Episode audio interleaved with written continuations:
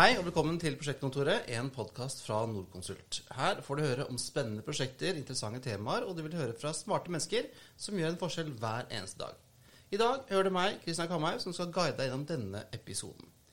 Og Vanligvis så pleier jeg å starte disse podkastene med å unnskylde at jeg ikke er ingeniør, men økonom. Og akkurat i dag så er det imidlertid overvekt av økonomer i studio, så jeg kommer tilbake til det. I prosjektkontoret ønsker vi å kikke litt nærmere på interessante prosjekter, men også på fagfelt som det enten er stor interesse for, eller som det burde være stor interesse for. Og temaet bærekraft er en sånn ting som det heldigvis både er stor interesse for, men som det også burde være enda mer interesse for og forståelse for. Bærekraft handler om så mangt, men i denne utgaven snakker vi om bærekraft i bygg, og hvordan finansinstitusjonene kan være med på å hjelpe med oss med å komme til bærekraftige løsninger. I dag har jeg med meg Ellen Heier, som er nyansatt bærekraftansvarlig for bygg og anlegg i Nordkonsult. Hei. Takk for at jeg fikk komme. Jeg er altså da, som du sa, helt nyansatt bærekraftansvarlig for bygg og eiendom i Nordkonsult. Bygg og eiendom, sorry. Ja, det går bra. uh, og på andre siden, fra Norges, Nordens største bank, Nordea, har besøk fra Tina Saltvedt, sjefsanalytiker bærekraftig finansiering. Tusen takk. Veldig hyggelig å få komme. Det var hyggelig at det også veldig deilig å ha økonomer med meg i studio. Det syns jeg er fantastisk. Så velkommen til Prosjektkontoret og til Nordkonsult. Ellen, kan ikke du bare si et par ord om eh, hvem du er, hvilken bakgrunn du har, og hva du skal gjøre her? Jo, jeg heter altså Ellen Heier, og jeg er eh, arkitekt. Ikke ingeniør, jeg heller. Jeg har eh, jobbet lenge i Snøhetta før jeg kom hit. Og der har jeg jobbet med bærekraftig bygg og bærekraftig arkitektur. Og da særlig med vekt på, på prosjekter med høye miljøambisjoner, da. Så ja, og her i Nordkonsult, skal, her skal jeg jobbe som en pådriver for bærekraft i både prosjekter og organisasjon. Og tilrettelegge for at vi får gjennomført den, den veldig ambisiøse bærekraftambisjonen vi har ja. i firmaet.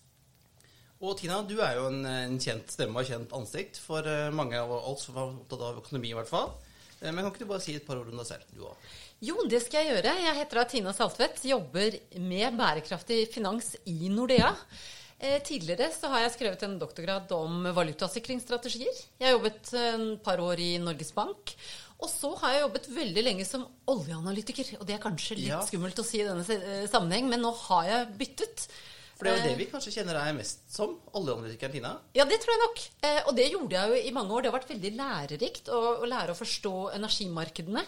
Det har jo også skapt den interessen for det grønne skiftet som jeg har tatt både personlig og, og jobbmessig. Og eh, det, også, det, jo, det, skjer jo så mye rundt dette med energi, men det skjer også rundt dette med grønn finans, og det gleder jeg meg til å snakke om i dag. Okay. Og tilbake til dagens tema. Ellen, det er jo sånn at uh, så fremt det er mulig, så ønsker jo vi, uh, våre ingeniører, da, uh, å anbefale de mest bærekraftige løsningene mm. når oppdragsgiverne kommer med og skal ha et bygg. Men hvordan funker det egentlig i praksis? Det er jo ikke ett enkelt svar på det. For det, nei, det er ikke det. For det vil jo variere fra prosjekt til prosjekt, selvfølgelig, og fra oppdragsgiver til oppdragsgiver. Men, eh, men, vår oppgave er jo å alltid anbefale de mest bærekraftige løsningene. Og da må vi først og fremst så må vi ha kompetansen og være på en måte i tet på det, og det er vi.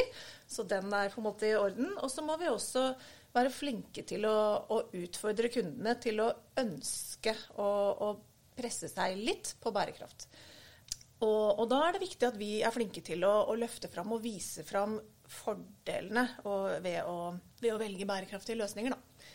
Så, ja, for Én ting er jo hvis du kommer og skal ha et, et, et bygg som har en, en lav klimafotavtrykk, eller skal ha et, et, bærekraftig bygg. Men det er jo ikke alle som tenker bærekraft når de skal bygge. De skal bare ha noe billig opp. Ja, det er riktig det. Og det er jo de kundene det er viktig at vi går inn og, og viser dem hvorfor de bør heller velge en mer bærekraftig løsning. Ja, og noen ganger så er det sånn at det å bygge bærekraftig kan være litt dyrere også? Noen ganger så kan det være sånn, men det kommer også litt an på hvordan du regner.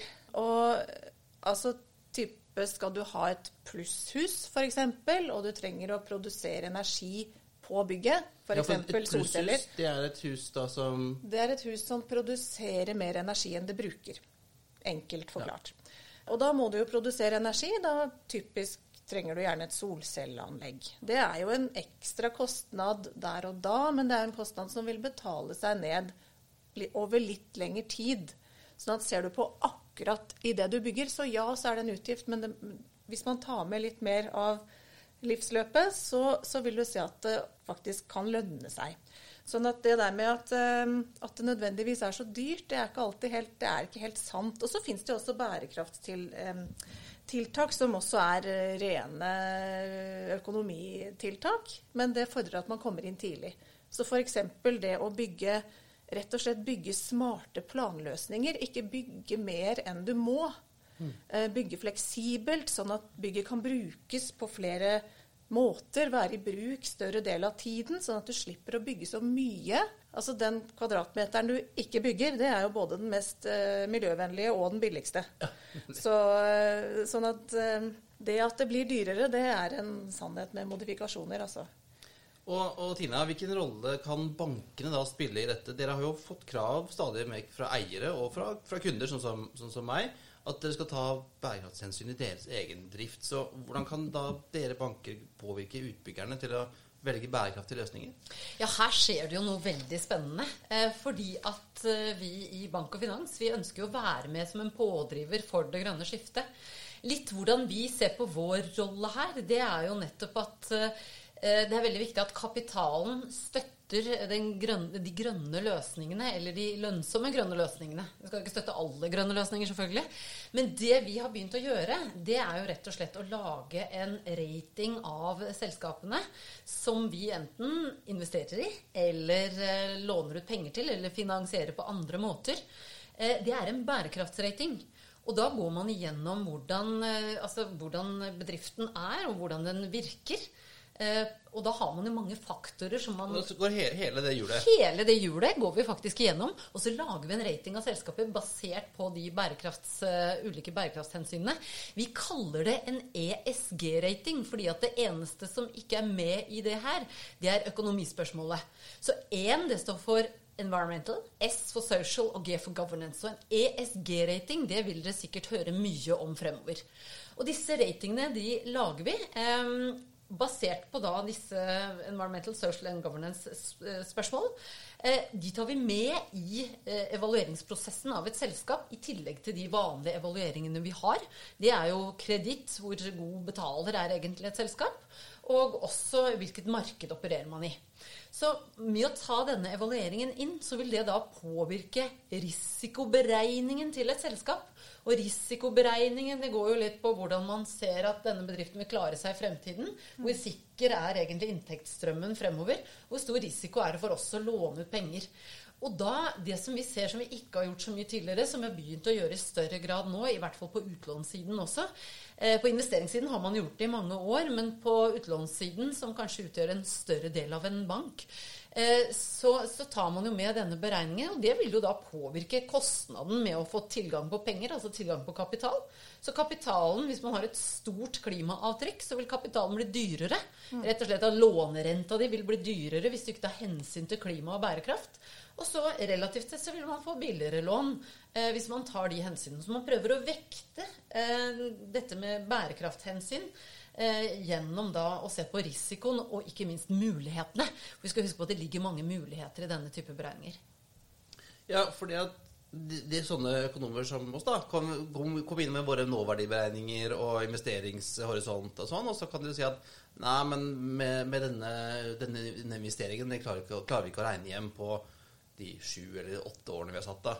Og da vil dere kunne komme inn og si at ja, men finansieringen kan bli billigere fordi at dere tar bærekraftsløsninger-valg? Eh, ja, Det som er viktig her, er å gjøre en forskjell på de som tar hensyn til bærekraft og klima, og de som ikke gjør det.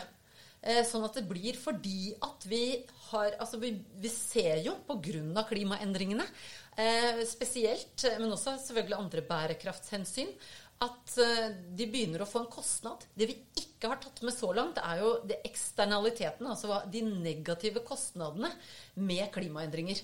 Og de er vi nødt til å begynne å ha med, fordi at de skaper en risiko, en finansiell risiko for selskapet. Derfor så har vi jo begynt å ta med det. Og andre bærekraftsvurderinger. Eh, eh, så når man tar det inn, så håper vi på at kapitalen skal støtte opp under de prosjektene som da tar Eh, som da bidrar til at vi beveger oss mot Parisavtalen og bærekraftsmålene. Men selvfølgelig, altså det, jo, altså det, skal jo være lønnsomt uansett. Det er jo ikke alle prosjekter som selv om de er grønne, får, eh, får en støtte eller vil bli lønnsomme i fremtiden. Eh, nei, men så har du andre veien, da. Altså, du Mm. kan si at Hvis jeg skulle nå begynne å, Hvis jeg hadde lyst til å bygge et, eh, et kullkraftverk da, på Hedmarken som, Det som vil jeg ikke anbefale. Ja, men som, som ser superlønnsomt ut.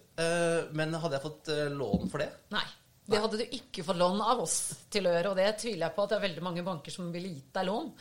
Altså, Det er utrolig spennende det som skjer i finansmarkedet nå. Og her er det store endringer, og de går veldig fort. Bare det siste, altså etter eh, covid-19 eh, satt inn, så ser vi at det interessen for nettopp det å, å kunne forstå hvordan vi som forbrukere eller vi som selskapet påvirker samfunnet og påvirker miljøet rundt oss, det, eh, det har virkelig økt kraftig. Jeg tror det har litt med å gjøre også at covid-19 i seg selv altså Vi har, vi har et forbruk et, en, sant, Vi kjøper mat som vi ikke vet hvor kommer fra. Det var jo litt der det startet et matmarked i, i eh, Kina. Du mener at du knasker ikke vanligvis pangolin? Som, Ikke så langt. Men, men det, bare å forstå verdikjeden. Og det samme er det jo med bygg. Eh, vi må forstå hvilke konsekvenser det har å bruke riktig materiale, riktig oppvarming. Eh, gjenbruk. Vi ser jo særlig det her i Norge at dette med sirkulærøkonomi, og da spesielt innen byggesektoren, vil bli veldig viktig fremover. At man kan gjenbruke mer materialer.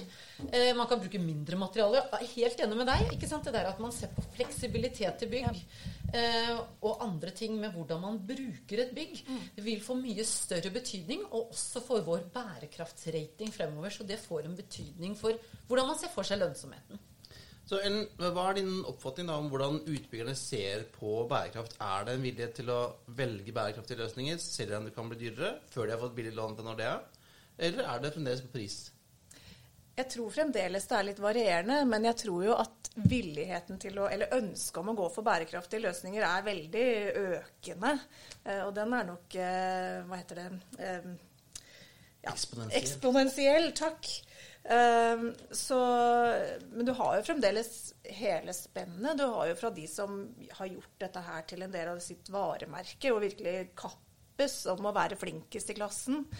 Eh, og det er jo fantastisk. Eh, det var jo sånn som, sånn som Obos f.eks., som sier at eh, alt vi bygger skal Bream-sertifiseres, uten unntak. Det er kjempe, kjempegøy. Eh, Vestre også er et sånt eksempel som er villig til å investere masse ekstra penger i bærekraftige løsninger. Men det er jo fordi at de ser at det, det er verdifullt for dem som selskap.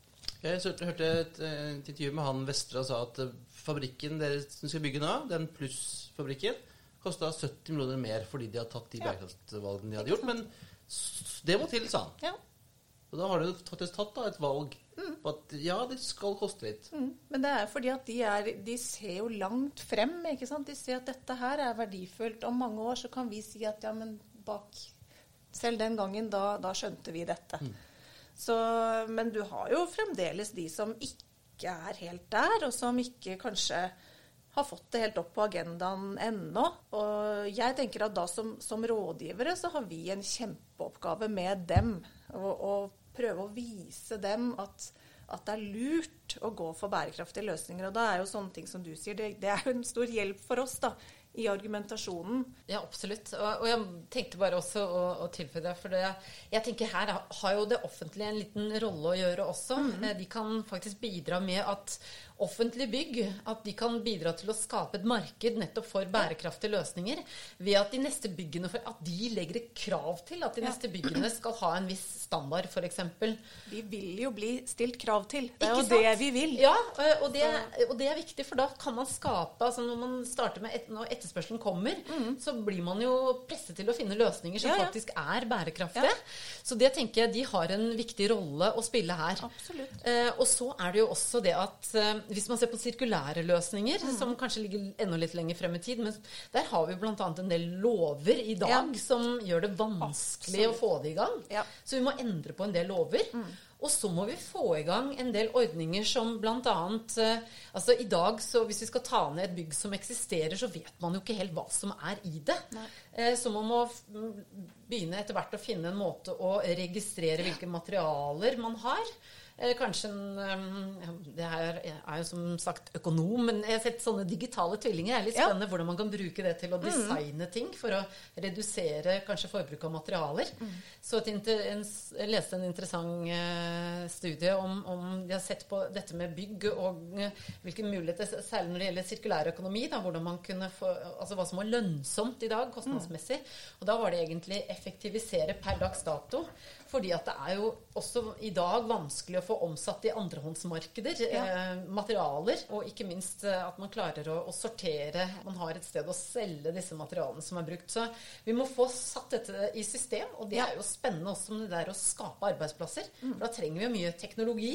Eh, Vi trenger folk som kan dette. Så jeg tenker her kan vi også skape mye nytt. Helt klart. Og så er det en annen måte å jobbe sammen på. fordi her, det er, Du kan ikke sitte i hver din lille boks og jobbe med dette her. Her må man jobbe sammen virkelig for å få det til.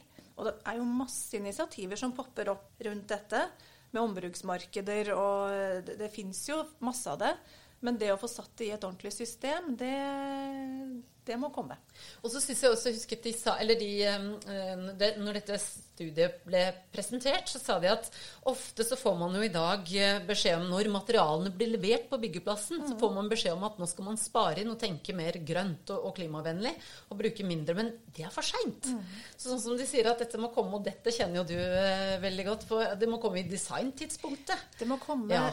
Det må komme helt i starten. Det må være en grunnleggende del av forutsetningene helt, helt, helt, helt i starten. Ja.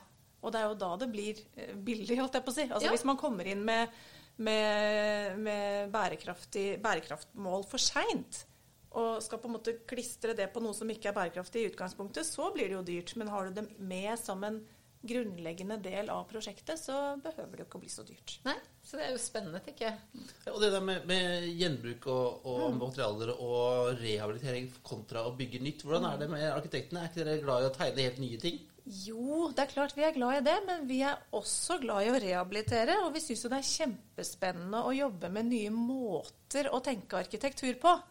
Så, så det tror jeg, jeg tror, jeg tror ikke det fins noen arkitekter som ikke syns dette er spennende. For det er jo en helt ny måte å tenke på. Det tror jeg ikke er noe, det er ikke noe problem. Jeg tror vi bare ser muligheter i det, altså. Men um, når, når Tina nå snakker om at bankene nå tenker mer på, på de bærekraftige bærekraftsmålene når de skal finansiere, tror du at det vil innvirke på utbyggernes valg? At, at de kan få billigere eller bedre finansiering gjennom å ta bærekraftige løsninger? Ja, det er klart det vil det. Det tror jeg. Det er jo fremdeles mange som ikke er styrt av en eh, idealisme, holdt jeg på å si. Mange som er styrt bare av økonomiske hensyn. Og da vil jo de også se at det lønner seg. Så det, det tror jeg absolutt vil ha en innvirkning. Vi ser, jeg tror faktisk på sikt at det ikke vil bli lønnsomt å ikke tenke bærekraftig. Og det vi ser nå, er jo at eh, flere og flere investorer, og sånn som vi også, krever jo faktisk etter hvert at man skal kunne vise til at de eh, prosjektene man har, er bærekraftige. Så du vil faktisk ha vanskeligheter med å starte et eh, prosjekt på sikt hvis man ikke da kan dokumentere. Men det er klart, dette med dokumentasjon er innmari viktig. Eh, Det vi ser nå, er jo at vi må ha data på mye. Vi må ha modeller som kan evaluere dette på en veldig god måte. Og det er jo nettopp det vi jobber med nå i eh, finans. Eh, EU vil jo legge frem, eller har jo lagt frem en såkalt eh, taksonomi, altså et begrepsrammeverk. Sånn at når vi snakker om bærekraft og grønt, så skal det være de samme tingene vi snakker om. Sånn at det er tydelig eh, hvilke krav vi setter til dere, og det er tydelig hva dere leverer. Eh, slik at man også kan sammenligne ulike prosjekter og ulike Og og også hva vi gjør når vi finansierer og kaller det grønt, et grønt prosjekt. Og hvordan, hvordan reagerer kundene Tina, når, på den type pisk-gulrot-tankegang fra banken? Det er, vi er jo en nordisk bank, og det er jo litt interessant å se. fordi at der Jeg må tror det er store forskjeller på landene. Det er store forskjeller. Og der ser vi jo Dessverre liker vi ikke å bli slått av svenskene. Nei, men de er jo best på dette. Ja, de er faktisk best på dette. De er litt irriterende, men det betyr jo ikke at vi, de bør være det i all verdens tid. Nei, altså Det som er litt interessant å se på um, Vi har jo um, snakket med, med selskaper innen, innen byggesektoren i, i Sverige også. Og i Sverige så ser man jo på dette f.eks. hvis man skal ha et en obligasjon man velger en obligasjon eller måte å finansiere på, så ser vi jo at i Sverige så ønsker man en, en grønn finansiering. Og en grønn obligasjon, det, eh, det, krever jo en dokumentasjon, at du, har fått, at du har visse kriterier som du skal oppfylle for å få lov til å kalle det grønt. Det krever en, eh, altså Denne dokumentasjonsprosessen det krever jo litt ekstra arbeid. Mm. Men i Sverige så ser man det som et kvalitetsstempel. Mm. Og derfor ser man det som positivt at man faktisk bruker den tiden og det arbeidet til å, å, å dokumentere, slik at man kan få en, en grønn obligasjon eller en, en, grønt lån. Mens i Norge så er man ikke helt der. Man ser ikke den ekstra verdien det gjør med den dokumentasjonen. Eh, fordi at man det er ikke, altså, i Sverige så etterspør det, etterspørres jo at man faktisk kan dokumentere det. I Norge så begynner, altså har jo den etterspørselen begynt å komme, men har ikke kommet like langt. Eh, så vi tenker at det kommer i fremtiden. Men i Norge så ser man heller på prisen, fordi da skal man ha en prisforskjell hvis man skal orke å gjøre dokumentasjonen. Eh, og i dag så er prisforskjellene såpass små eh, at i Norge så har man ikke sett, sett, seg villig til å gjøre Eller alle har ikke sett seg villig til å gjøre det. Men det er her vi ser endringer, og det er her endringene har begynt å komme. Som følge av bl.a. covid-19. Så her begynner vi å se at dette med bærekraft begynner å få altså at prisforskjellene begynner å komme.